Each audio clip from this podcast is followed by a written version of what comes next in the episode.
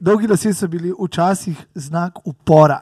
Zdaj pa se moški jokamo, ker nam lasje izpadajo. A to pomeni, da so nam s tem odpadla tudi jajca.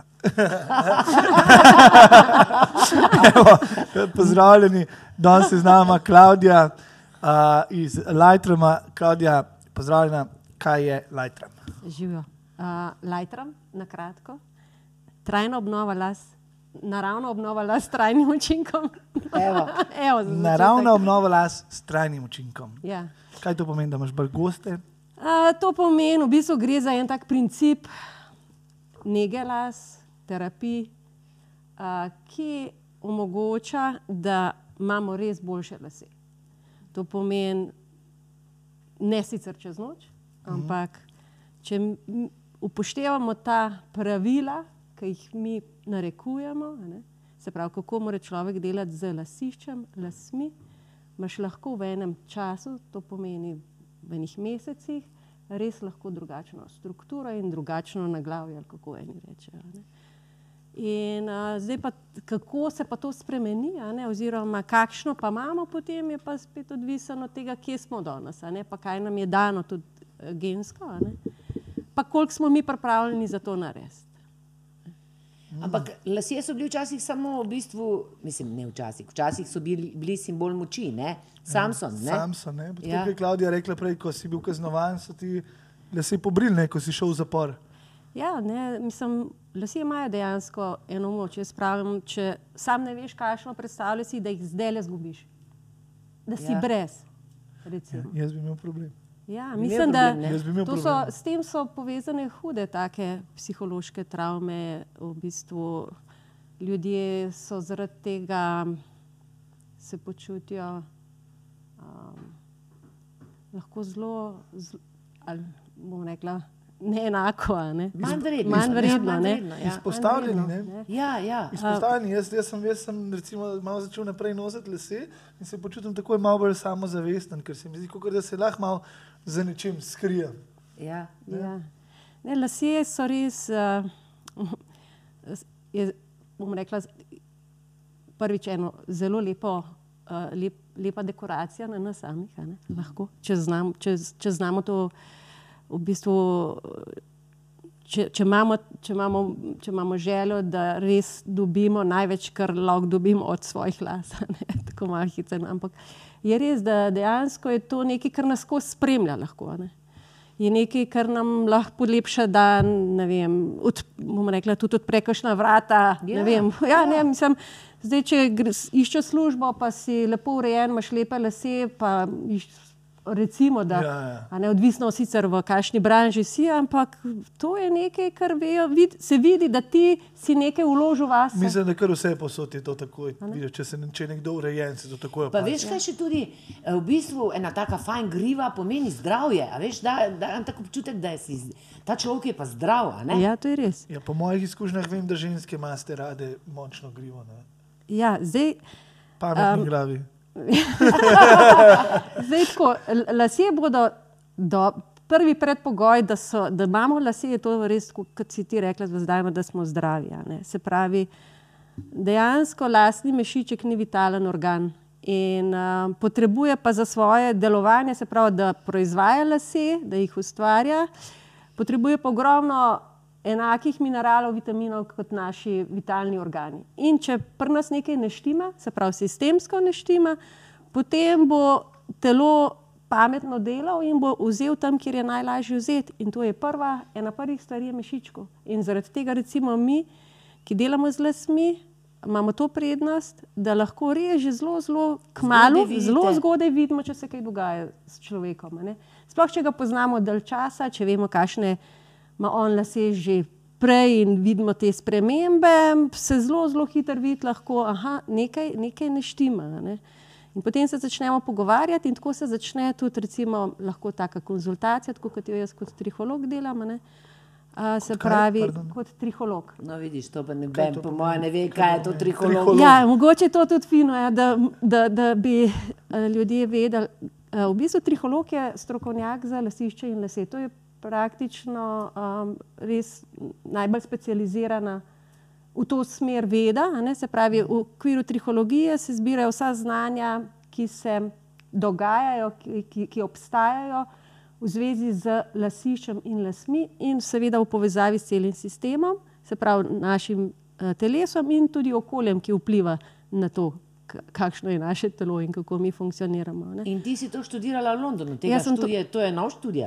Ne, to je že ta inštitut, kjer sem jaz študirala, se pravi, obstaja že sto let. Sto let. Ja, letos je imel stoletnico in v bistvu je najbolj nekako priznan v svetu. Um, tako da v bistvu sama trihologija veda kot taka je stara, ampak je dost nepoznana v določenih predeljih sveta, da rečemo. Ne. Se pravi, ena Anglija, ki ima že zelo staro um, tradicijo, tam je ogromno, bom rekla, še je kar precej trihologov. Pri nas sem jaz trenutno edina. Edina?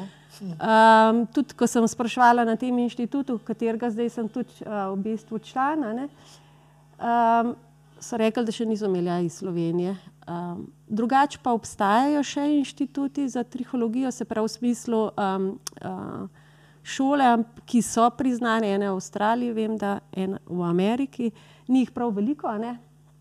Uh, tako da, ja, to je tako bolj resen, resna zadeva, ker pač se potem tudi ukvarjaš z bolj resnimi težavami lasišča. Se pravi, ne zdaj samo izpadanjem las, ampak vse tisto, kar se ti lahko zgodi na lasišču in v bistvu Kaj vpliva pa, na prosti, to. kaj pa je še lahko ta, recimo, ne vem, O, teh stanj je Jaz sem ogromno. sicer hodil na frizersko šolo, ja, nismo niti blizu prišli, niti Ja, ja, ne. nastavke nismo dali, da bi Ne, teh, teh stanj je ogromno, ne? ampak zdaj, če tako čisto bom rekla, res na grobo um, jih uh, ločim. Recimo ena stanja so stanja luščenja, stanja, se pravi, vse, kar pač um, ni normalno, kar se tiče poroženevanja plas, plasti eh, lasišča a ne, in se kaže v različnih luščenjih, kot je najbolj nam je znan prhljaj, recimo. a ne. Ja. Ampak bom I'm teh, looking at you, Jake. ja, teh, teh Ej, stanj. da imaš tam že eh, kandidata. Ja, ne? teh stanj luščenj je, je kar nekaj ne, in se stopnjujejo, in so potem se pač so lahko v povezavi potem naprej z drugimi stanji, uh, srbečimi stanji, um, uh, stanji, ko se uname lasišče, recimo, ko se unamejo mešički, kar lahko vodi naprej v plešanje, se pravi v izgubo las, potem so stanja plešanja oziroma alopecija. Ne? In tukaj imaš spet ogromno različnih stanj, ki imajo svoje razloge, vzroke, in potem jih mi poskušamo najti Kaj pa, kaj pa, sorry, ki te prekinem, kaj pa stres? Stres je uh, eden od dejavnikov, ki vpliva na Je, to. je, mislim, jaz imam enega prijatelja, ki je zaradi stresa začel izgubljati lase, imel je včasih polno griva las, zdaj imam pa imel samo še par, tega nisem nikoli videl prej, ampak par otočkov, Ja, kjer lasje in se je mogel, in seveda Ja, se je zabril zdaj. To, Ti imaš uh, eno deklico, ne? Si Ja, mislim, uh, v bistvu, ja, teh, to je uh, ena, ena deklica nek, nekaj časa, en eno leto, leto pa pol nazaj prišla tudi meni, ampak sem tudi videla, je že tudi, ko smo študirali to v, v Londonu, pa smo obravnavali take, eh, bom rekla, um, taka stanja. To so običajno za določena stanja, prav specifično, recimo kot je alopecija areata, ker to je ta verjetno je imel eno vrsto alopecije areate, verjetno, ki se je potem a, a, razširila v totalis, verjetno, zdaj, če je izgubil vse lase. Včasih so tudi. Še, mislim, ima otočke, ima, ampak Ja, ja, ja. se, pol kot moj, Ja, ja, mislim, se aha. zabril. Ne. No, zdaj to je treba, mislim, zdaj to na pamet nočem špekulirati, ampak zelo pogosto se to zgodi tako, da ja, pri kakšnih stanjih, uh, bom rekla, plešanja, je eden res ključnih dejavnikov lahko stres in to je lahko tak nenaden stres, kot ne vem, kakšna smrt, izguba kakšne ljubljene osebe ali pa tudi kakšna bolezen ali pa kakšna, pač kakršna koli travmatska izkušnja a ne, in lahko pač zgubi začasno, lahko se pa včasih, a pa tudi dosti pogosto, posebej tudi, če se ne tretira a ne, pravočasno, uh, lahko se zavedno zgubi lase. Ne. Čeprav jaz, uh, tako kot pač stalno sledim uh, tej znanosti, a ne, se kar veliko dogaja na teh, tem področju. Pa, Mrzikaj se da danes tudi nareži, oziroma obstajajo določeni tretmaji, ki včasih niso obstajali, pa se da kakšne stvari kar lepo, bom Ti si rekla. pomagala ti deklice? J- Jaz sem ji skušala pomagati, takrat še um, ni bilo, mislim, jaz nisem imela uspeha no, takrat. Um, ampak vem pa, da je zdaj pred kratkim um, je šla na terapijo, to, kar zdaj tudi pri nas uvajamo, se pravi to z lastno plazmo. In je bilo, ja, in je pač mamica njena povedala, da ja, ta lastna plazma, da je pa zdaj pomagalo. Zdaj pa nisem, pač, pa bom rekla, zdaj v kratkem govorila, zelo mogoče, kakšne dva meseca nazaj. Ampak vem, da so se trudili z, uh, bom rekla, ustaljeno prakso, tudi uh, pač preko dermatologov, z zdravili, ki obstajajo. Um, mal se je nekaj dogajalo, ampak nič posebenega, bom rekla. Uh, tako da zdaj s to lastno plazmo pa manda, ja, da so se začele lasje nazaj, uh, mišički nazaj. Plazmo? Uh, v bistvu gre za uh, terapijo z lastno plazmo, ko ti vzamejo vensko kri in ti s posebno centrifugo Aha, ločijo. lastno, lastno, ja, ja, ja. se pravi, vzamejo ti svojo, a ne, uh, se pravi, vensko kri in z posebno centrifugo ločijo obogateno plazmo. Obogatena plazma pač ti jo nazaj inicirajo v področje, kjer pač jo hočejo tretirati, ne v tem primeru za lasišče. Tako da jaz sem, bom rekla, tudi do, v kontakt s tem prišla tudi spet v Londonu. Tako da smo zdaj z enim kolegom uh, uvajali tudi to uh, pri nas, uh, se pravi, da se bo delal, ker je ena od, bom rekla, terapij, ki je zelo veliko beta. No? Bom rekla, v samem, um, na tem samem pod, v področju lasišča nima še tako zelo veliko prakse, bom rekla, ali pa take zgodovine, da bi je že kar nekaj študij narejenih, ampak spet to ni deset let tega. Ja, ja. Tako da za študijami se pa potem dost, uh, bom rekla, bolj konkretno dobi ena, ene odgovore, kdaj bolj dela in kdaj ne. Zdaj mi smo videli, ne, da pač je potreben res pravi protokol tega zdravljenja za določeno stanje. Zato, ker čim pač je tako, ena stvar učinkovita, ne, se zelo hitro pol. Vsem to priporoča na enak princip, ampak se vidi potem s prakso, ne, da je pa res tako, kot recimo mi. Jaz, ja. ja, tako, da, tako kot vidimo mi pri laseh, recimo, ki se ukvarjamo vem, s, s temi načini, ki se že veliko let ukvarjamo, ki so nam reži zelo, zelo poznani, vidimo, da tudi tukaj ne moreš kar reči, aha, tako kot smo mogoče na začetku mislili, to jih treba najti na terapijo, narediš takole pa takole, doma takole pa tole uporabljaš in bojo imeli vsi dobre lase. ne. Za prakso potem vidiš, ne, da obstajajo pač primeri, ki so specifični in je treba samo terapijo prilagoditi. Ne, se pravi, in ravno tako tukaj, ne, pri um, tem zdravljenju z lastno plazmo, se vidi, ne, da je treba pač za določeno stanje, a, bom rekla patološko stanje, ki obstaja, ne lasišča, las, je treba prilagoditi sam protokol. In zato je najprej uh, rekla, res, res um, priporočljivo, da se naredi pač ena, en trihološki posvet oziroma um, um, Pogovor. pogovor, vas, ja. in da se pač naredi uh, res dobra analiza, um, da probamo najti vse možne vzroke, ker zelo pogosto pri lasišču je tako, pa pri laseh, re- ali pa bom rekla, redko je, da je samo en vzrok. Zelo redko. ne. Vse je, se lahko zgodi, ampak zelo redko. ne. Eh, Tako da v bistvu je treba res dobro pač, eh, te vzroke najti in potem vse znake, usporedne znake uh, definirati in potem uh, dobro predstaviti tudi to človeku, ne zato, da razume. Se pravi, in potem narediti en protokol, priporočiti protokol, in potem se. uh, Če ti hočeš zdaj meni povedati, da lahko tudi uh, ustavimo, kako se temu reče, plešenje, ki ga imamo moški nekako za Se ti, ti, naravno. ti hočeš to, imaš ti problem, pokaži. Ne, jaz nimam Imaš? nobenih problemov, ne. Tako goste lase, da naprej sem začel nositi lase samo zato, ker mi tako paše. Ne, valjda imamo, mislim, jaz prihajam zdaj v leta, ko hočeš, nočeš, tudi če se ti ne dogaja, to začneš opažati, Ja, ja. da se ti viša čelo in podobno. Ne. Ampak se pravi, ti hočeš povedati, da, da se to da preprečiti. Zdaj, ko prav za androgeno moško plešanje ne, um, je spet vsako leto kaj novega, bom rekla, lahko spoznamo, slišimo, kaj s študijami ugotavljajo. a Ne. Ampak dejstvo je, da tukaj je res najbolj pomemben faktor ta genski, to pomeni, kar smo sabo prinesli. In um, da bi rekel zdaj, da prav obstaja, tako da ne, recimo ti imaš ta gen in, in se kaže, da pri tebi se bo izrazil in Ampak te, gen, tepla. je, gen je to, kar sem jaz podedoval od očeta. Um, od dedka, od uh, načeloma, načeloma, tako ene študije pravijo, da najbolj pogosto uh, v bistvu podeduješ ti ta gen po, um, od mame uh, moški strani. a ne.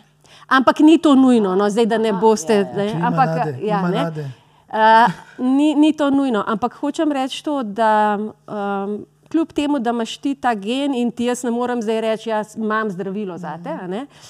Uh, obstajajo študije in tudi, bom rekla, praksa je, da se da zelo veliko narediti na to, se pravi, da do tega pride bistveno kasneje in da se izrazi v manjši bom rekla, v manjšem obsegu, kot bi se sicer izrazilo. Ne. In to vsako leto nekaj se novega na tem področju, ali pa vsako leto mogoče sem tako preveč rekla, ampak res stalno se nekaj dogaja. Zdaj, zelo pred kratkim sem a, v bistvu tudi poslušala eno predavanje enega zelo poznanega ameriškega dermatologa. Um, Ker je v bistvu mi je bilo zanimivo, no, to, kar smo mi, pa moj oče, pa že vsa leta delamo v salonu na temo, uh, res, da skrbimo za lasišče, zato da bojo res lasje dobro rasala. ne. Pa vem, da je bilo tako iz strani, tudi bom rekla, bolj zdravstvene stroke, to doskrat tako mal. Ja, ne, tako da, malo čez- ne, čez mislim, palc vas ja, ne. mislim tako, da pač to, to ni glih neki, bom rekla, niso to pač eni prijemi ali pa ene, ene, ene, bom rekla, ene, ene metode, ki bi res lahko a ne. Tako da skrat so rekli, ok, dej, se, maseri si se škodati ne more. ne. Po drugi strani so si pa mislili, verjeten, tudi, da tudi pomagalno, kaj preveč. a ne. To tako je bilo doskrat tako videti. Ampak zdaj prav je bilo pa zanimivo ne, pri tem predavanju, ne, je pa ta dermatolog sam rekel, ne, tudi sam je tako rekel, tudi jaz sem tako gledal, ne, včasih pa, ko me je kakšna pacijentka vprašala, pa, če, če si masirati, a ne, pa, ja, pa dej se škodval ti ne bo, ne, ampak ja. zdaj pa raziskave kažejo, ne, tudi kar se tega tiče, recimo, da ena zelo pomembnih stvari, uh, ki recimo vpliva na to, koliko časa bo en mešiček delal, je aktivnost teh kapilar, ki dovajajo hrano do mešička. Ne? In ti ravno z temi stimulacijami lasišča ti lahko tudi pripomoreš k um, vzdrževanju aktivnosti teh kapilar. To pomeni, da karkoli boste delali z lasiščem, če je to tak na pravi način, se pravi, ne zdaj, da boste drgnili, ker to boste spet na drug način pa poškodovali ja. lase ne, ali pa lasišče, ampak da boste to primerno z enim, pač, z, z, bom rekla, pravim pristopom delali. In v kombinaciji, seveda, če imaš ti ta gen, to pomeni, da ti boš mogel res kar nekaj narediti na to temo, da boš res ohranil dobre lase. Spodbudno je, da imaš možnost, ne, ampak pač treba te pa tudi seznaniti s tem, da boš mogel skozi malo več narediti. Ne? Tako kot nekdo, ki pač kaj drugega nima, kar danga, ne, mora na tisti strani ali pa na tisti stvari celo življenje malo več narediti, da vzdržuje, ne vem, ali kondicijo, zdravje ali ne vem karkoli. Morajo pač ljudje, ki teh genov za lase nimajo, bom rekla, najboljših, ne, ali pa so ki podedovali, bojo mogli na to temo, če bojo hoteli na podobnem nivoju ohraniti kvaliteto, gostoto in tako svojih las, bojo mogli stalno nekaj delati. To je pač kruto dejstvo. a ne? Ampak to tako Ampak je, to pač tako je. naravno, ne. Tako, tako, tako je, bom rekla, tako, tako moraš vzeti kot umivanje zob, zjutraj vem, porabiš tistih pet minut ali pa kolikor pač časa si vzameš za to. In ti se ne sprašuješ, ne, ali si bom umil danes zobe ali ne. Tako si pač, ne vem, zjutraj umasiraš pač en losjon, ne vem, ko greš umivati si lase, si jih ne zdrgneš na hitrico, ampak si vzameš na mes dve minute, pet minut ali pa deset minut. In To je bistveno, veš, Maj. Naprimer, pri Lightroomu gre za to, da ko, ti, ko si ti šamponiraš eh, lase, uh -huh. ne tako, veš, da si si peno naredil, pa si si pa sprav, uh -huh. deset minut najmanj, vsaj jaz se držim tega le. Ne? Ja. In to pomeni, a veš, in sem videla razliko, tudi konkretno sem videla razliko, ker je. Uh, kadar, naprimer, nimam časa, pa gledam, kdaj bo pet minut minil, ali pa če pustim 15 minut. Ne? To so, ja, ampak to pomeni, No, smo že pri tem, ne? ko smo že pri šamponiranju, pol tele določeni uh, šamponi za lasišče in ramena, ne, vemo, kjer, je, Ja, ja. kjer ga mislim, da ne delamo direktne reklame. Uh, Ali pa kontrareklame, a, a te te podpiraš, a se ti zdi, da delujejo ali ne? mislim, uh, jaz bom šamponi, ki jih dobimo v trgovini. namreč. Zdaj tako, jaz uh, vedno, ko se ukvarjam z lasmi, lasiščem, pač govorim o šamponu, ki ga jaz zelo dobro poznam in ki vem, kaj je noter ne, in ki vem, kako deluje. Tako da v bistvu pač mi delamo zdaj z Lightramom že 20 let, vem, kaj vsebuje in vem, da vsebuje res koristne zadeve za, za koristne materijale za lasišče in za lase. Aha. Tako da zdaj, kaj pa drugi vsebujejo? Ne? Mnogo je na trgu stvari, ki pač hočejo na hitro nekaj narediti. Ne? Ampak ravno pri laseh, pa pri lasišču, se pa ta na hitro zelo pozna z leti. a ne. Se pravi, da ti pač lahko, zato ker pač ljudje imajo radi res na hitre rešitve. To pomeni, da pač tudi uh, šampon vem, bo zelo na hitro upravil, ne. to pomeni, bo na hitro raztopil uh, nečistoče, ampak če bo na hitro, če bo tako močen, da bo zelo na hitro, to pomeni v nekaj sekundah ali pa v pol minuti raztopil nečistoče, to pomeni, da bo po vsej verjetnosti raztopil tudi naravne zaščitne materijale, ki so, ki so stalno prisotni na našem lasišču in ki imajo tam svoj namen. ne. Namen pa, da, da ščitijo naše lasišče in naše lase. ne. To pomeni, da če mi ne uporabljamo ali pa ne vemo, kaj je pravilno ali pa kakšne so razlike, potem mi pač v tem tako delamo celo življenje ja. in pač imamo slabše lase. Zato, Tanjše. ker tanjše, zar- ne zdaj samo zato, da ne bomo zdaj vse krivili samo, ampak Ja. ja. dejansko, um, bom rekla, z leti se vse te stvari zelo, zelo seštevajo. Zakaj pa rečem z leti? Zaradi tega, ker tudi naš mešiček se stara. In mi, če bi vse krasen prav delali, ampak recimo, da rečemo predpostavka, da mi vse krasen prav delamo že pri 20 ali pa pri 15, ne? ali pa recimo pri 25, ki je naš mešič, mešiček najbolj aktiven in najb, na najboljši, v najboljši kondiciji, takrat bi lahko, če bi mi vse dobro delali, bi imeli lahko najboljše lase. To pomeni najdaljše, najbolj debele, um, dejansko bi lahko videli, kako so lahko naši lasje dobri. In recimo, da delamo pri 25 že vse, vse res perfekt, uh, mi pri 60 ne moramo imeti takih las, kot pri 25, kljub temu, da bomo vse delali perfekt. Zato, ker se mišiček stara, to pomeni, da njegova aktivnost z leti se manjša. Tako kot se pač pri organizmu pozna naše staranje, na koži, na organih. Na, vseh, Sorry, ampak ni to zanimivo, zdaj mi je spadalo v glavo. Ne? Lasje in dlake na človeškem telesu so postale, jih imamo, zakaj? Zato, da smo se zavarovali pred umazanijo, da smo bili na topli, da, smo, da nam je bilo Ja, toplo in tako ja. naprej. Zdaj se pa pogovarjamo o tem, kako to. Se pravi, če bi bili v divjini, misliš, da mislim, živali v, div, v divjini se, se jim razredičijo dlake Um, z leti. Živali v divjini, um, pa s- psi, v bistvu dla, dlake se menjajo z letnim časom, tako kot doma vidimo že pri domačih živalih. a ne. A In so pa bolj verjetno aktivni, ali kako mišički. Ja, sigurno, oni morajo imeti recimo po zimi več dlake, zato da so zaščiteni pred uh, se pravi, temi s- temperaturnimi ja, razlikami. a ne. In, in definitivno mi najbolj dobro vidimo to, kako se ta dlaka menja ravno pri živalih z letnimi časi. Zdaj, včasih so tudi rekli, a ne, recimo, um, zdaj mogoče je vedno manj tega, no, ampak jaz se spomnim še, ko sem bila res manjša, ko sem bila v salonu velikrat, ne, ki so vem, ženske potarnale ali pa moški, kakorkoli, da pač aha, na jesen jim pa izpadajo. a ne. Se pravi, eno obdobje krajše je, ali pa pol tudi na pomlad je bil to pač čas okrog marca. Ne.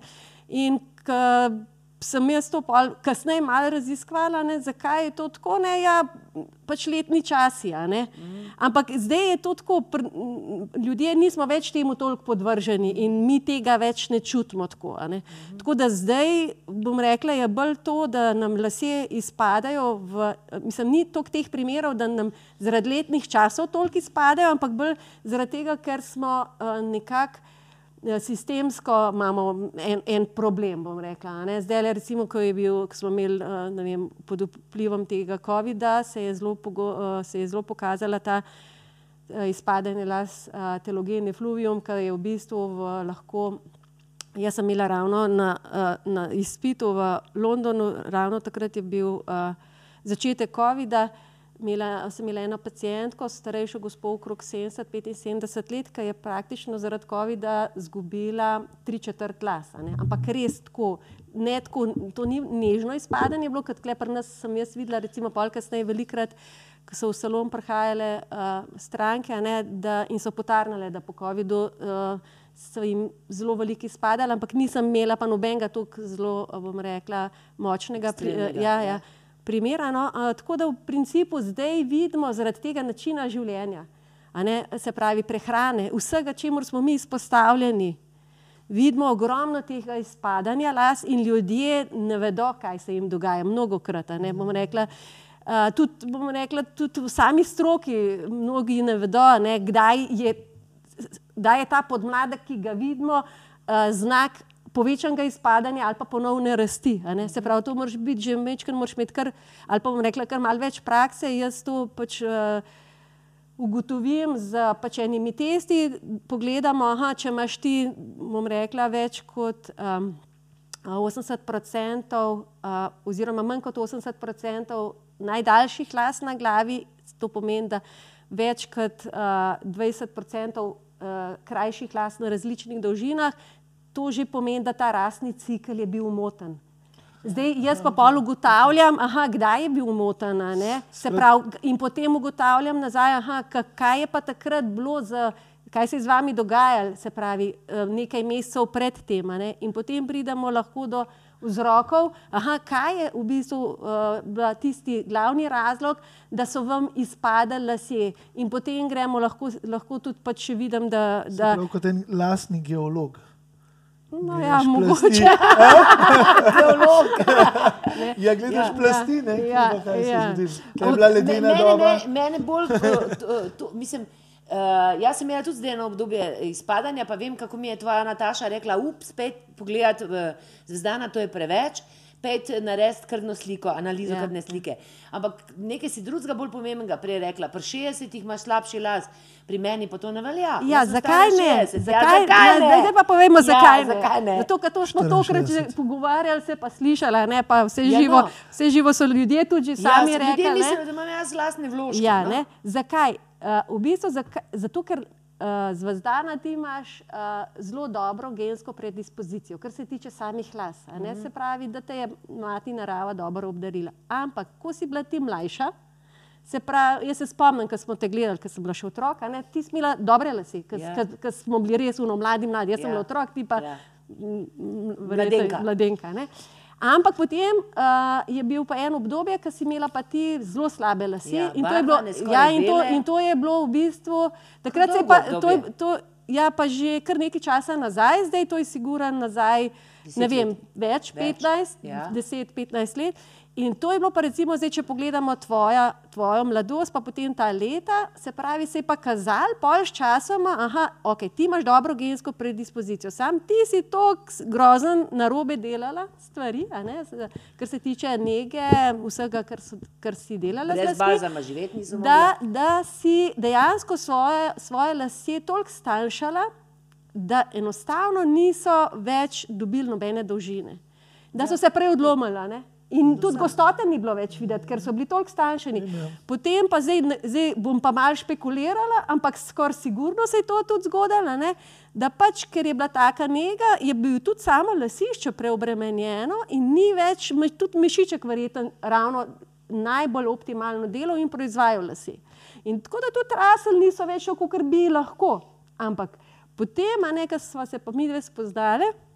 In smo mi začeli, z, se pravi, smo jo, smo jo začeli učiti, in je bila dobra učenka, in je še vedno dobra učenka. Ja. Zdaj že profesor. Ko so rezultati takšni. Zdaj, ja. zdaj že profesor, se zakaj ne? Ja, ja, ja, že ona uči naprej. Ne? Se pa kaže, ne, da v bistvu, aha, gled, če pa prav delaš spet z lasmi, ne? se pravi, če res skrbiš na pravi način potem imaš pa lahko še vedno, tudi pri 60-ih in dlje, res dobre lase. Pri, o, pri, ona je res krasen, krasen, ti si res krasen uh, primer, primer ja. za to. Ker ne bi si mislila, ne? mislim, da imam nekje sliko. Jaz sem do sem, do sem sem dosegla, del pa ne. Res, da sem si barvala, res, Ja, da pa si zdaj tudi barvaš, ne? Ja, pa zdaj se tudi barvam. ampak- Ja, si se takrat tudi barvala, Ja, pa ja. zdaj se tudi barvaš. Ja. Ja, sem, To to, pomeni- to je bilo tudi toliko cajt nazaj, takrat je bil samo perok. Ne, tako ne, ne, Ne, ni, ne. ni, ni, ni, ni to Ni tako tako bilo. Ampak ne, res je tako, da kle se, recimo, kar se la- las tiče, se vse stvari sešteje. Ja. Zato, ne, kar ste me prej čisto na začetku vprašali, kaj je lajtrama. ne. V bistvu jaz zdaj že tako težko to rečem, sam ne vem, naravno obnova las s trajnim učinkom, zato ker ni to samo to, ker je v bistvu vse skupaj, se pravi, ker mi vse seštejemo, se pravi, ko mi seštejemo to, kaj mi naredimo zase, se pravi, kaj damo vase, a, kako poskrbimo, da bo mišiček dobro prehranjen. Ko mi, ko, ko, Življenjski stil, da je čim manj stresa. Ja, da pač tudi, mal, tudi nekaj damo na to, se pravi, da tudi se znamo umiriti in si naliči iz gavina, včasih pa reči, da tako ne gre več, spremen plato ali kako reče. Zato, ker če ne, bojo tudi lase pokazali te svoje. In potem res najdemo, bom rekla, pravi način za nego lasišča, se pravi, nego, ki pač krepi lasišče, ki ga spodbuja, ki ga podpira, ki ohranja tisto, kar mu je naravno dano, Ja. in samo še v bistvu podpira z dodatnimi, ker vemo pa, ne, če želimo imeti pri 60-ih res dobre lase, kot če mi hočemo biti pri 60-ih res fit, ker samo od sebe ne bo prišlo. ne. Ja. Se pravi, moramo dobro jesti prave stvari, na pravi način, se pravi, ravno prav tudi, a ne, in tudi se fizično biti Rekreirati. rekreirati, Ja, ja, ja. krepiti, se pravi, z leti vemo, kje, kje šibimo in tam moramo dodajati. Ravno tako mi pri lasišču vemo, kje z leti začne, se, začnejo se zadeve dogajati, tako kot si prej omenil, v teh frontalnih kotih, levo, desno, ne vem, ne vem različno Še sicer. a enkrat ne. podarjam, pri drugih moških. No, ne ok, meni. pri drugih. ne, ampak vseeno, ne, recimo, mi vemo, kaj je treba narediti za kakšno lasišče, ko ga vidimo, ko naredimo analizo. In potem, ko to človeku rekla, na pravi način uh, nekako povemo, zato da vsak. Da raz- razume, razume ne, ker da tle- ozavesti, da veš, ker zakaj tuk- delaš, Tukaj ne. treba res razumeti, ker sicer je to sam še, bom rekla, ena stvar, ki pač, da vem, mogoče mora en človek nekaj verjeti, ampak ne, je treba razumeti, ker vse se- stvari so zelo logične, ker so povezane z našim telesom. ne. In, uh, ok, malo moramo tudi, mogoče ne bomo se vsi ukvarjali z materijali, iz katerih so, ne vem, eni šamponi narejeni ali pa eni, ne. ampak tukaj treba mogoče tudi malo zaupati, ne, ne vem, pogledati, zdaj, če mi ne bi imeli dobrih materijalov, verjetno jaz pa tudi malo več kot ne 50, ne 50, Ja. take lase. ne. Ja. Ampak se pravi, da pač je treba potem to, temu slediti, upoštevati in biti strikten in biti in iti v zadevo na dolge proge. Ne, ne pričakovati na jutr. Koliko je pa, sorry, koliko je pa pomembna zdrava prehrana, pa, pa, pa pravi, zdrava prehrana, to, da ne kadiš, to, da ne piješ, Zelo. to, da si da rekreiraš in recimo, da si pa masiraš ta se. Je to že en velik korak. Ne, to je zelo pomemben. To je zelo Veš pomembno. zakaj? Jaz sem lansko leto, vem, da ko sem imel tisto obdobje nekaj treh mesecev, ko nisem pil, nisem kadil, jedel sem več ali manj vegansko, pa vegetarijansko hrano, pa ribe, recimo, uh Mhm. -huh. se prav spomnim, da sem gledal, kako močne, kako Lej, zdaj tako je. Jaz bom rekla, zdaj pa morate vsi jesti samo to, pa boste imeli dobre lase. To je zdaj tako, ne bi bilo v redu. Ni, a ni ne. dovolj. Ne, ni. Ne, bom rekla tako, tudi, bom re, tako kot sem že prej na začetku rekla, eden mogoče bo mogel malo več narediti za to in se mu bo tudi, eh, zelo, bom rekla, zelo uh, izrazil ali pa bom re, bolj očitno bo, če bo dobro jedel oziroma bolj zdravo jedel. ali Pa, ne. uh, nekdo pa tudi, če ne bo ne vem koliko zdravo jedel, bo lase še kar imel. Ja. To so pa pač te genske predispozicije, ki so lahko zelo različne. Ampak tudi ta, bom rekla, ki bo zelo slabo, zelo slabo. Bom rekla, ne bo pazil pri prehrani, pa bo imel še kar močne lase pri vem, 60-ih. Jaz si upam trditi, da ta isti človek, če bi drugače delal, bi imel lahko še bolj močne pri 60-ih. Ne? Se pravi, zdaj tako je, nekdo more malo več narediti, nekdo malo manj, ampak definitivno je prehrana zelo pomembna, je ta naša psihofizična kondicija zelo pomembna. Rekla, zdaj, mogoče eno stvar, da omenjam, tudi, da se mi dobro počutimo v svoji koži, da imamo dober dan, da imamo dobre tedne, mesece. To se nam kar pozna, da delamo stvari, ki jih radi delamo, da nismo stresirani skozi, da nismo nezadovoljni. To se nam tudi na lasišču kar pozna, ne, oziroma na laseh. Včasih je tako prav ena taka, sicer bolj Čeprav smo dosti tega videli, bom rekla, v salonu, že tudi uh, tekom vsega, vseh let, a ne, da včasih rečeš, mater, vse isto narediš, pa eni. Uh, pa eni Obravnavi pa ja, pri eni obravnavi, pri enem človeku, a ne, pa je enkrat mal drugače kot drugič. In, ali pa stranka reče, ma, zanč mi je pa frizura ful bolj stala, kot ne vem, bolj je bila obstojna kot ne vem, en, enkrat prej. Zakaj je to tako? ne? Zakaj je to tako? Včasih je res, um, sicer mogoče malo uh, tako, ampak ta naša psihofizična kondicija se kar zelo odrazi na laseh. Um, rekla, če smo nekako um, nekak nismo v svoji koži, ne tako Dobro, dobri. svoj koži, ja. Tudi če se umijemo, lase, naredimo frizuro, pa te lase kar ne bojo. Kada nimajo energije, ne? Ja. kada nimajo energije, da enostavno nimajo ene moči, da bi dale vse od sebe. Ne? Treba je poslušati svoje lase. Jaz res moram reči, da odkar sem se postrigel, jaz sem dolgo časa zdaj dolge lase in sem si jih nazaj, nazaj, nazaj. Zdaj ne dolg nazaj sem se pa postrigel na kratko in čutim, da so tudi bolj močni. Zdaj ne vem, so bile konice, pol tiste, ki so bile bolj šibke, ampak to. Samo da ti še nekaj vprašam, ko imam jaz nekaj vprašanj. Uh, je kaj, pa, kaj pa si misliš o tem, um, lansko leto sem nekaj bral, da, pa tudi večkrat se bere o tem, ampak um, da si ful malo umivajo lasje določeni ljudje. To smo prebrali o znanih, recimo uh -huh. ameriških igralcih, kot je ne vem, kaj, kaj je že on, ki je bil Twilight, ki je dober igralec, drugač ful. Čeden, no? No, No, vem, da se, ja. vem da, se, da se par ljudi je izjavno povedalo, da si ne vem, enkrat na mesec lase umiva. Zdaj tako je. Um, kar se tiče tega umivanja las, tudi recimo mi, kot James za- Patterson, sorry. Ja.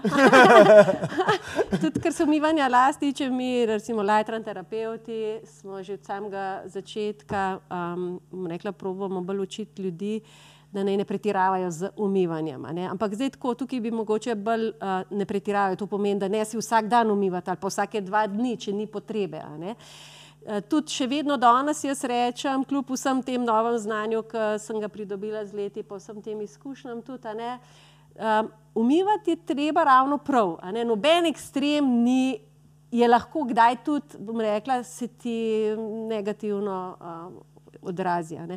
Recimo, mogoče čisto teoretično, da razložim, mi imamo na lasišču, v lasišču stalno eno mikrobioto prisotno. Ne. To, se, to pomeni en kup enih mikroorganizmov, ki so tam prisotni svojim, enim svojim razlogom. ne.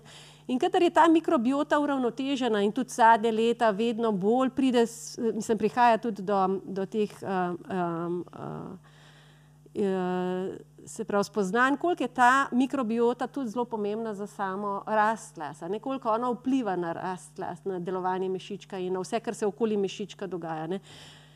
In zato, recimo, samo umivanje las bi jaz bolj povezala s tem, da mi umivamo tako, toliko pogosto in na ta način, da uspemo ohranjati to mikrobioto Ja, da ne zdravo uničujemo, ne. in v ravnotežju. Kdaj pa zdrava, pa v ravnotežju, to pa vidimo takrat, kadar, nam, kadar nimamo kakšnih patoloških stanj lasišča, se pravi raznih, mm, raznih stanj, ki niso najbolj na, na, normalne, ali, ali so to luščene, ali to srbeče lasišče, ali kakšno izpadanje in tako naprej. In pa se pravi, da, da enostavno s tem, ko mi ohranjamo to mikrobioto lasišča, mi ohranjamo pogoje za zdravo rast in za dobro kvaliteto las. Tako da vedno rečem človeku, kdorkoli me sprašuje, kaj je tisto normalno, ne kar se tiče umivanja las.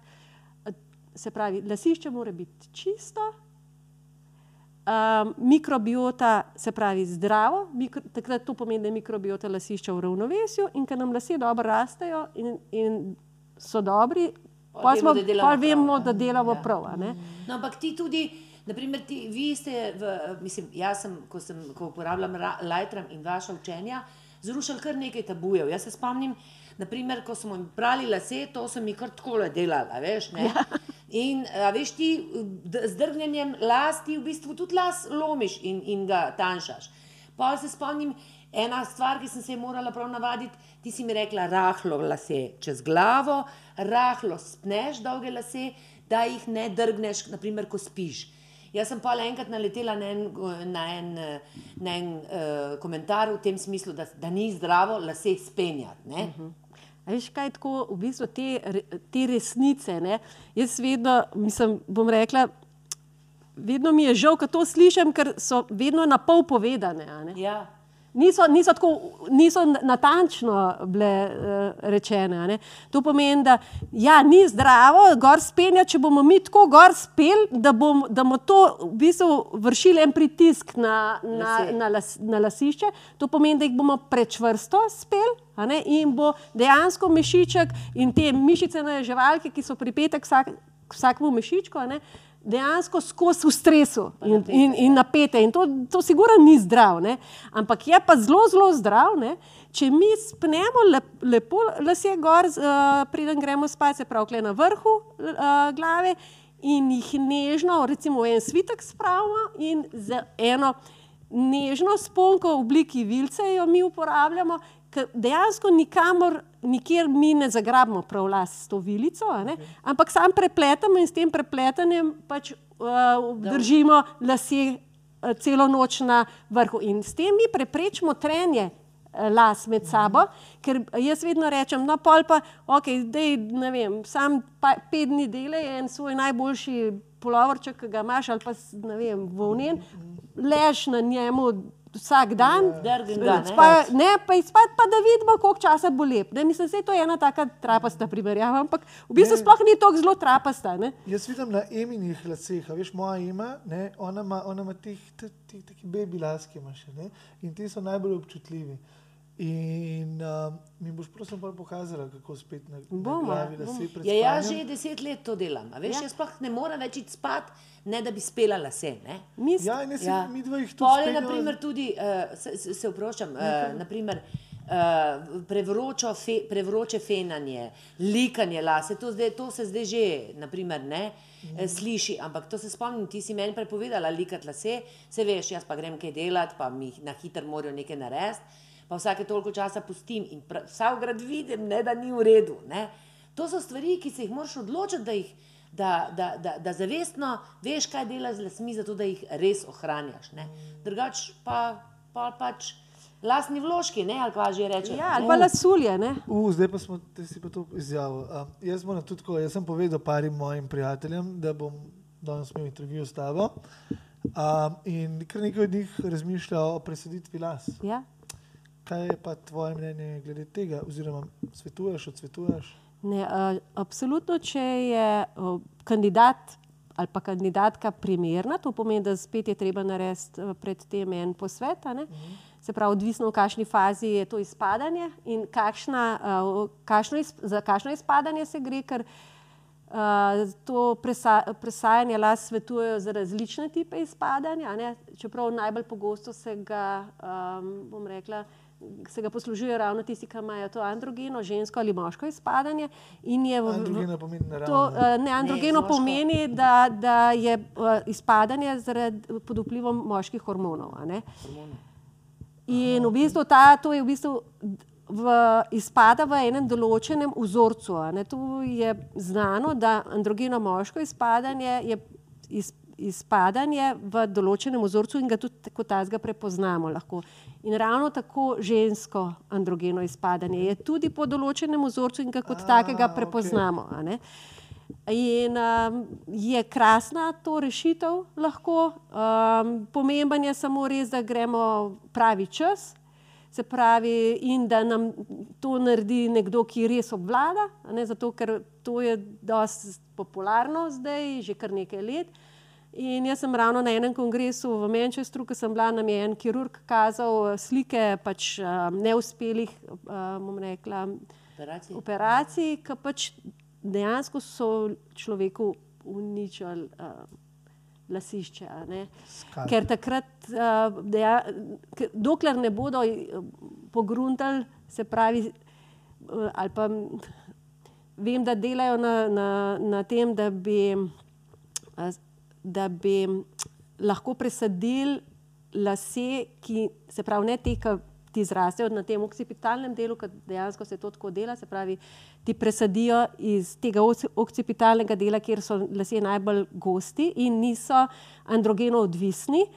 Ti presadijo na ta del, kjer so androgeno odvisni mišički, in na ta način v bistvu ohranijo lahko rast las. Čeprav tudi takrat je treba, ponava, mislim, um, odvisno, koliko je ta primer, um, bom rekla, intenziven že, ali kako bi rekla, um, močno iz, izražen.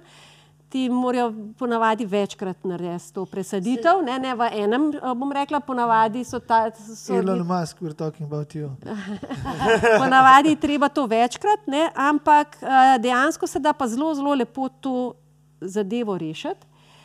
Um, je pa treba tudi naprej skrbeti za to lasišče, zato da je aktivno, a ne se pravi, ni to zdaj, da aha, zdaj sem pa vse naredil, pa ne rabim več, ampak tudi ta mešiček se stara in uh, dejansko je treba skrbeti. Uh, je pa to krasna rešitev in jo tudi jaz zelo podpiram in, samo res svetujem, da se naredi pred, uh, se pravi, pred to presaditvijo vse tisto, kar je nujno potrebno. Tudi recimo to lasno, z lasno plazmo uh, priporočajo zelo v tujini, vem, da pa tudi verjetno že tudi pri nas, da se naredi par teh terapij, zaradi tega, da vzpodbudijo ti, tiste aktivne uh, oziroma tiste mišičke, ki so ki so še živi, ampak niso uh, delujoči ta trenutek, ker s to lastno plazmo zelo na hiter, kar dosti na hiter lahko spodbudijo te mešičke. In zaradi tega, da takrat polka presadijo, ne uničijo teh uh, mešičkov, ki so živi, ker vidijo Aha. dlako ven. Tako da v bistvu tudi, recimo, prej, ko si me vprašal za to androgeno, ne, ja, ta recimo, jaz ne bom zdaj delala prav tako, rekla, reklame, ja, pridite ali pa dejte si to nares eh, la- z lastno plazmo, ampak je dokazano, da tudi pri androgeni alopeciji, tukaj ta, ki je, rekla, zelo pogosta, ne, je ta lastna plazma lahko zelo učinkovita. ne. Tako da v bistvu to tudi mogoče v razmislek, kakšnim, ki se odločajo za presaditev ali pa ne, mogoče bi bilo fajn, da prej Najprej probajo, probajo, ja. naj, najprej probajo las, z lastno plazmo, to lahko tudi pri nas vprašajo. pri tebi vprašajo. Pri meni Ok. vpra, uh, Mislim, kje se to naredi? Drugače to delajo klinike, lastne klinike, a ne, ki Ok. okay. v bistvu pač so za to usposobljeni um, ljudje. Ampak ti ki to- ustanavljaš zdaj Ja, ja, kliniko, ja. ne? A Kakšna je pa cena, če se ta zgodi? Uh, cena je pa zelo, bom rekla, ne, nekako zelo običajna cena pri nas je na eno terapijo 450 evrov. Ampak je lahko tudi, Se jaz to, to, slišim. kar so rekli za lastno plazmo. Ja. Ja. Okej. Je pa lahko zelo različna cena, t- predvsem pol pri nas, eh, ali pa tudi drugot po svetu, se ne bom rekel, da je sam pri nas. Ljudje pol postanejo um, šparovni, a ne pri tem, pa iščejo cenejše rešitve, ampak morate vedeti, da vedno se pol plača tudi s kvaliteto. Zaradi tega, ker recimo, če hočeš ti res dober rezultat, ja. morajo biti tudi dobri materiali, se pravi ta je proveta, s katero se je jemlje, tudi te vedno materiali noter. Tako da dejansko je fino, no, da se človek prej dobro pozanima, kaj dobi za to ceno, ampak zelo običajna cena za eno tako terapijo. Rabaš pa ti več terapij, sicer v enih, bom rekla, a, nekje za lasišče, a, približno šest terapij, kar treba narediti. Ja, Ampak zdaj spet govorim tako na splošno, ne, ker tako kot sem prej rekla, je treba pogledati za vsak primer posebej. ne. Ampak recimo eno povprečje, šest terapij enkrat na mesec in potem nekje enkrat do dvakrat na leto naj bi ti to ponavljal, zato da ti ohranjaš to živost A, mišičkov. ne. Enkrat, enkrat, dvakrat na leto po šest terapij. Ne, ne, ne. Enkrat, eh, kasneje, po teh šestih prvih terapijah, Ja. Potem enkrat na leto do dvakrat na leto eno. a ne. Eno, Ampak zdaj okej. spet, da se ne bomo zdaj Ja, pri ja, ja. tem, da nam bomo Ne, rekli, zdaj sem. splošno, ja. Ampak vedno so, glede na primer, lahko odstopanja. Za meni je to fascinantno, ker ljudje smo sp- sposobni kupiti na mesec tri pare čevljev za 450 evrov. Ne?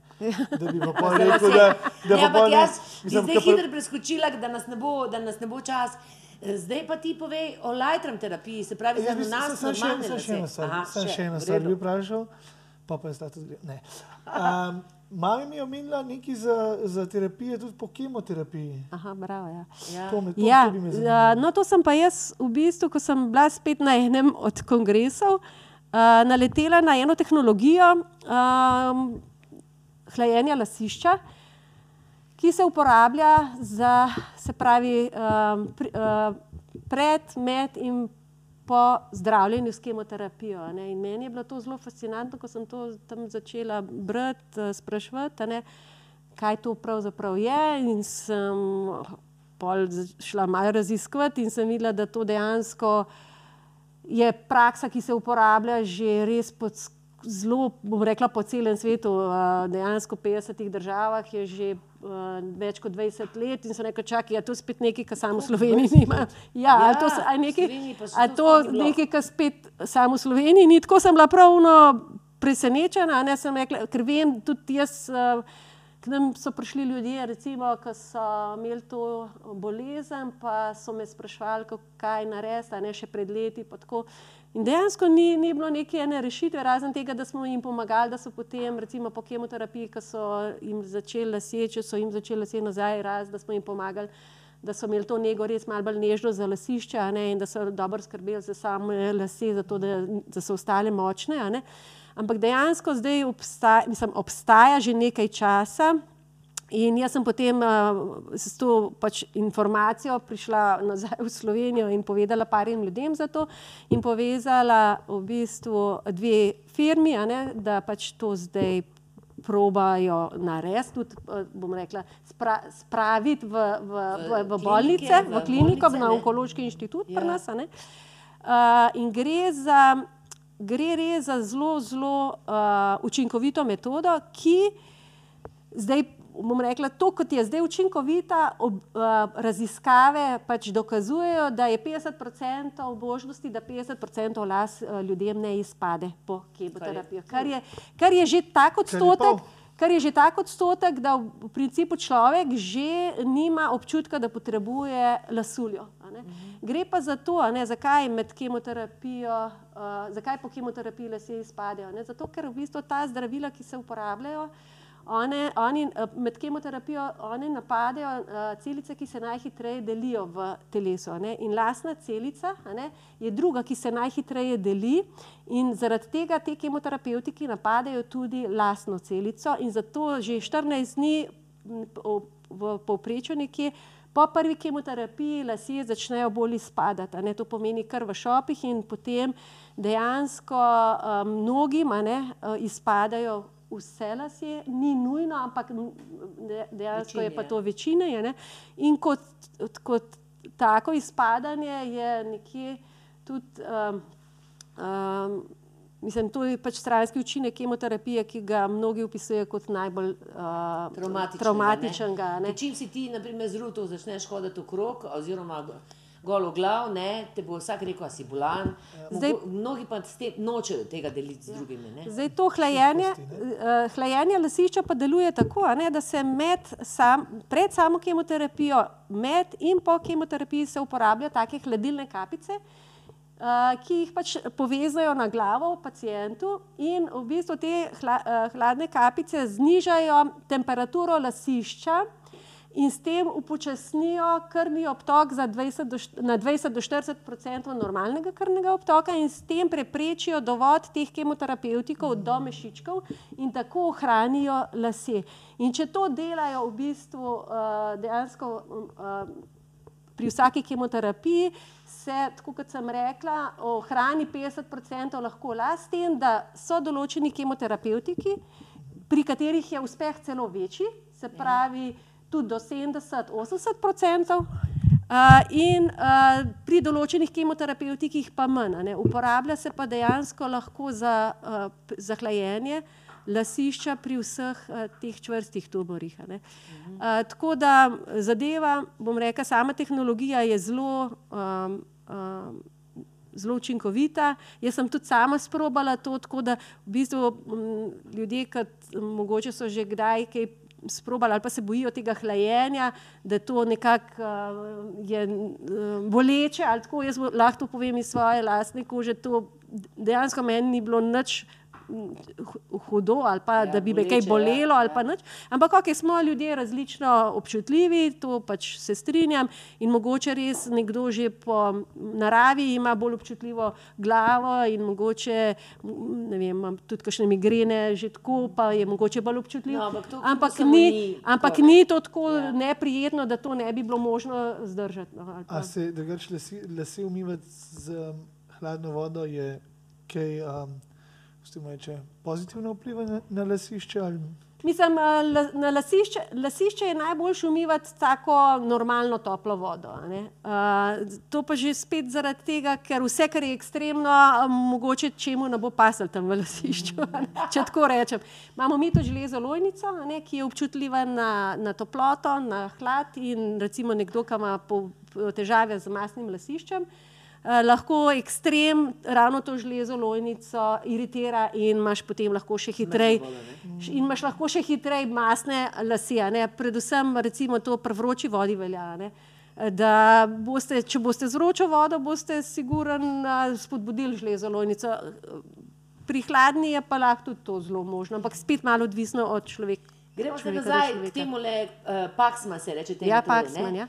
Kako pa, kako pa to Slovenci sprejemajo? Jaz vem samo, da je eh, ena, ena, dve moja prija, ena prijateljica, predvsem no, da ne rekla dve, je, ko sem ji jaz ponudila to, oziroma sem ji povedala za to možnost, reagirala dokaj tako, češ, eh, se, eh, se imam sam raka, mislim, me ne zanima, kako zgledam. Ena, ta druga je bila pa čist, mislim, je pa hotela, da bi, da bi že imeli to, da bi si lahko tako pomagala. Ne? Kako klinike oziroma kako ljudje to sprejemajo? Uh, zdaj tako, pri nas, no, zdaj tako kot imam eno tako izkušnjo, ali pa bom rekla, približno eno leto, jaz zdaj tukaj delujem kot en ambasador tega, se pravi, da ljudi seznanjam, da to obstaja in da pač se res trudimo, da bi onkološki inštitut to končno pri nas tudi um, imel. a ne. Sej so že dogovori in v bistvu uh, zadeve, vse to hlajenje lasišča je že v dogovarjanju na, na Ljubljanskem inštitutu in tudi v Mariboru. Tako da upam, da bo res uh, nekje zelo kmalu to na voljo. Ampak tako po tem pripo- pripovedovanju ali pa pogovarjanju s pacijenti, a ne, vidim, ne, da pri nas je tudi v Sloveniji tam kako bi rekla, včasih ljudje uh, tež, težko na glas povejo, kaj si res želijo. Ja. In da jim je ta, uh, bom rekla, da so jim lasje, ne. Tako pomembni in imajo pol občutek, da so že nečimrni. ali pa da ne. In, in jaz sem prav imela primer ene gospe, ki me je klicala, ki je pač zbolela in, in je slišala, da obstaja, in je slišala pač tudi zame, da pač to nekako poznam. In, da, in me je prosila, kako bi pač jaz lahko to pomagala. Ne? In pol po tem razgovoru, pa smo se res ene pol urce pogovarjali, sem pa na koncu res dobila že tak. Rekla, kar tako malo žalostna sem bila na koncu, ker sem videla, da dejansko ona sama sebe upravičuje, da si želi ohraniti lase. Ja. Da, si, da, da, da dejansko na glas si noče povedati, koliko zelo se zaveda, da jo bo to psihično Dodatno, dodatno, ja. dodatno obremenilo. ne. Kljub temu, ne, da zdaj pa tako prav na glas povem, študije so res kar nekaj narejenih, kako ta izguba las vpliva tudi na, recimo, prav pri ljudeh, ki so. Uh, Uh, ljudeh, pacient, uh, se pravi, pacijenti z Rakom, rakom, ja. kako pri njih vpliva na to kvalite, na kvaliteto, na način preživljanja tega obdobja, kako to vpliva, če izgubijo lase, da postanejo asocialni, da se bistveno teže vključijo nazaj v službo, da v bistvu tudi na odnose doma vpliva to, Tudi na, na pogled na- intimo, na, Na občutek tega, da mogoče zdaj odhajaš, se že spremenjaš fizično in tako naprej. Ja, Da tega ne rabiš tako gledati. V bistvu je tako, no, to je tudi znano in velikrat že sem slišala, pač to je, ko ti izgubiš lase, sploh ko si v tem stanju, a ne se pravi, ko si zbolel za rakom, dejansko, ko začneš izgubljati lase, se začneš zavedati, da ti lahko greš z tega sveta. B, da, to, je ta, to je taka manifestacija tega, a ne se pravi, da aha. In kar je recimo velikrat slišati, tudi sploh, če imajo kakšne otroke v bližini, ne, aha, otroci vidijo, starši so bolani, ne vem, lahko umre. Se pravi, to so res take hude travme, ne, ki jih je treba resno vzeti. In, in jaz tako prav nagovarjam ljudi, ne se bati, povedati na glas. V tujini obstajajo, tudi pri nas upam, da že kakšna društva, ki, ki povezujejo te ljudi s temi izkušnjami, zato da lažje grejo, da lažje povejo na glas in da, da pač povejo, da jim je to pomembno in kako to vpliva na njihovo življenje, na kvaliteto življenja. Kako teže rešujejo vsakodnevne težave, če se morajo ukvarjati, če, če so se, se slabo počutijo v svoji koži, če imajo slabo samo podobo, če se ne počutijo. a Ne? Pa zdaj v Sloveniji je to že ali še ni? A, Mislim, jaz to nas- sprašujem zato, ker če, boste, če to informacijo zdaj veste, jo širite bomo in, povedali, ja. in, in predvsem, a veste, če bomo to zahtevali, pa bodo verjetno prej reagirali. ali kako? Pri- Ja, pri nas uh, dejansko je aparat že v Sloveniji. In tudi um, ta slo, slovensko podjetje Sano Labor, ki, bo tržil, ki trži ta aparat, uh, oni tudi tržijo na Hrvaško. Tudi Hrvaška je, ni imela še tega, ne se pravi, da tudi tam se trudijo. Uh, uh, Uh, pridati v onkološki, ampak mislim, da jim bo tleh na Hrvaškem še celo prej uspel. Ne. Tako da v bistvu um, je zadeva je pri nas, um, ne smemo menda preveč Govoriti? težiti. Ja, ne, mislim, tako bom rekla, da, pač, da je to en proces, ki res da zahteva ene. Um, Organizacijske spremembe spremembe, v samem inštitutu, in to je sigurno resnica, in, in pač je treba te prilagoditve narediti, no, in to sigurno ni najlažje. To je treba vedeti. No, sam kljub vsemu jaz pravim, no, če bomo pa vse, če bojo ljudje sami Spraševali, ja. pri svojih onkologih, bo pa mogoče tudi eh, vem, zdravnikom, več njim ne, eh, to eh, postalo bolj pomembno, da se mal pohitri, kar se tega tiče. Ne, ker jaz pravim tako, sploh če enkrat vidiš, ne, če, če ne prej, ko imaš enega res zelo, zelo v bližini, ki je ko se mu to zgodi. Ne. in ko vidiš, kako on trpi zaradi tega, kako bi on vse naredil, ka, sam da ne bi izgubil lase. Ja, a ne. ja. Uh, takrat bi, jaz mislim, vsak malo hitreje kaj naredil. No. Tako da jaz res upam, da, res upam, da bo nekje letos, mogoče še do novega leta, da bi to bi bilo res fino, ne. to bi bilo res super. Tako da vi kar vprašate. Ja. No, vse to bomo zdaj povedali, glede na to, da je ena ura že mimo odletela. Um, bomo tokrat, po mojem, zaključili kar s tem, da rečemo vsem, ki nas gledate, um, da podelite te informacije za vse, um, ki jih poznate, ki imajo mogoče probleme s samozavestjo zaradi izpadanja las, um, samim izpadanjem las. Uh, kako ste rekli, terapijo? Krepitvijo, da, se, da, se, da, se, pri- da tisti, ki imate tanke lase, mastne lase, uh, ki imate kakšne spremembe, Izsušene. izsušene in tako.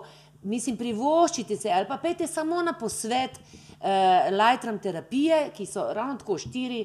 Najmanj štiri jih je treba narediti. Ja, zdaj- Samo to bi še rada povedala, ker se mi zdi pomembno. Ja. A veš, mislim, jaz prvošim, da bi imeli ljudje do, lepe lase, da bi se jih veselili.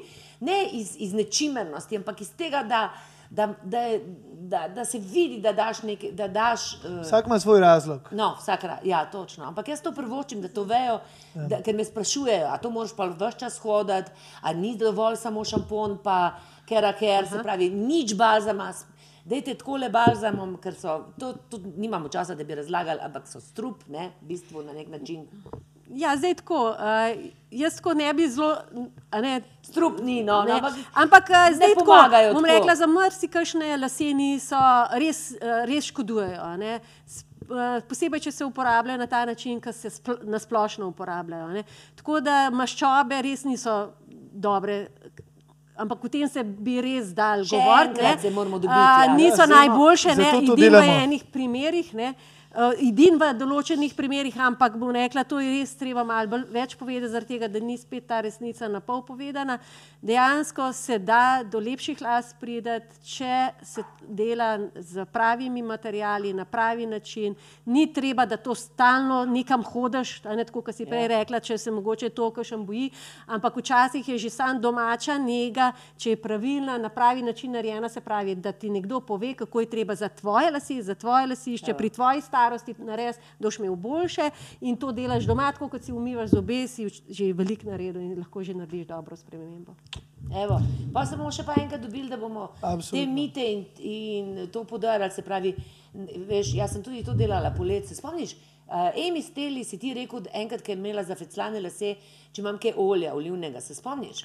Ja, Se spomniš, ker sem ti jaz rekla, ne. Pa si rekel, vse si si ti tudi polivala, ker poletje sem si jaz to vedno de, de, delala gor. V glavnem, Ne delaš dobro, Jaz se cel zalijem z oljem. Ne delaš dobro. Olivnim. No, tako da bomo še, Pa še koga drugega. še enkrat, da, še to, da te stvari eh, natančno razložimo, kot si rekla, da vemo, zakaj. Ne zato, da je to nekaj prepovedano ali pa nekaj slabo, ampak da veš, kaj delaš. Ker ko razumeš, kaj delaš z oljem, svojim lasem, potem tega Ja. ne boš več delal. Ja, pol je dosti lažje. No? Ja. Ja. Pol ni, da te en prepričal, ampak Ja. ja. ti veš, zakaj. Ja, evo. Pa še nekaj. Za konec bi pa jaz to rada povedala. Vse tiste reklame, se veste, ki je tako kot eno, eno morje, plapola, ne, ne vem, kaj še vse. Mislim, upam, da nismo več tako neumni, neumni da temu verjamemo. Ne? Ja. Zdrav las, okay. kakšen las?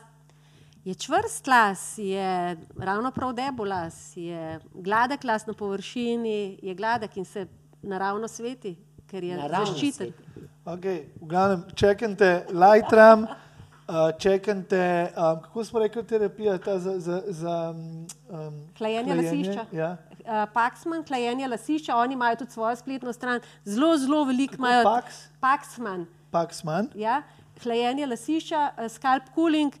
Uh, zelo veliko stvari imajo na svoji spletni strani, tudi ogromno študij za uh, se pravi, razlage mnogih uh, rekla, študij so tudi tam objavljene. Uh, in tudi za določene pacijente, uh, za, za, se pravi, za določene kemoterapeutike ja. je prav um, lahko najdete, koliko je to hlajenje lasišča za ta vaš kemoterapevtik učinkovit, a ne, se pravi, ker, ker so različno. Tako kot smo prej Ja, ja, rekli, okay. se pravi, da res je kar veliko informacij, tudi uh, te zgodbe pacijentov, tako da boste lahko tudi malo mal slišali. Pa, pa da- podrezajte ja. svojega Kar onkologa. pa Lajtrama tiče, imajo tudi terapeute po Sloveniji, nekateri osveščeni frizerski saloni. Oprostite vsem, vsem se upravičujem vsem ostalim. uh, lahko, mislim, se vse posod prijete do, do teh informacij. Ja. Ko pri, pričajte se pa sami. Ne? Ja. Posledite nam, um, pos, posledite nam, Posledite. subscribe, ja, sle, posledite nam, pripišite se, um, naročite se um, in tokrat bi dal eno posebno zahvalo rad uh, spet našemu Jakiju, uh, ki tako lepo pridno snema, reže Hvala, hvala. in pripravlja za TikTok. In pa naši Emi Steli, ki je v zadnjem času postala Naša script girl. naša skriptarica uh, in je zelo pridna in jo zaradi tega zelo rad pohvalim. Hvala, hvala, Hvala, hvala. hvala, enako vam obima vsem. Ciao. Ciao.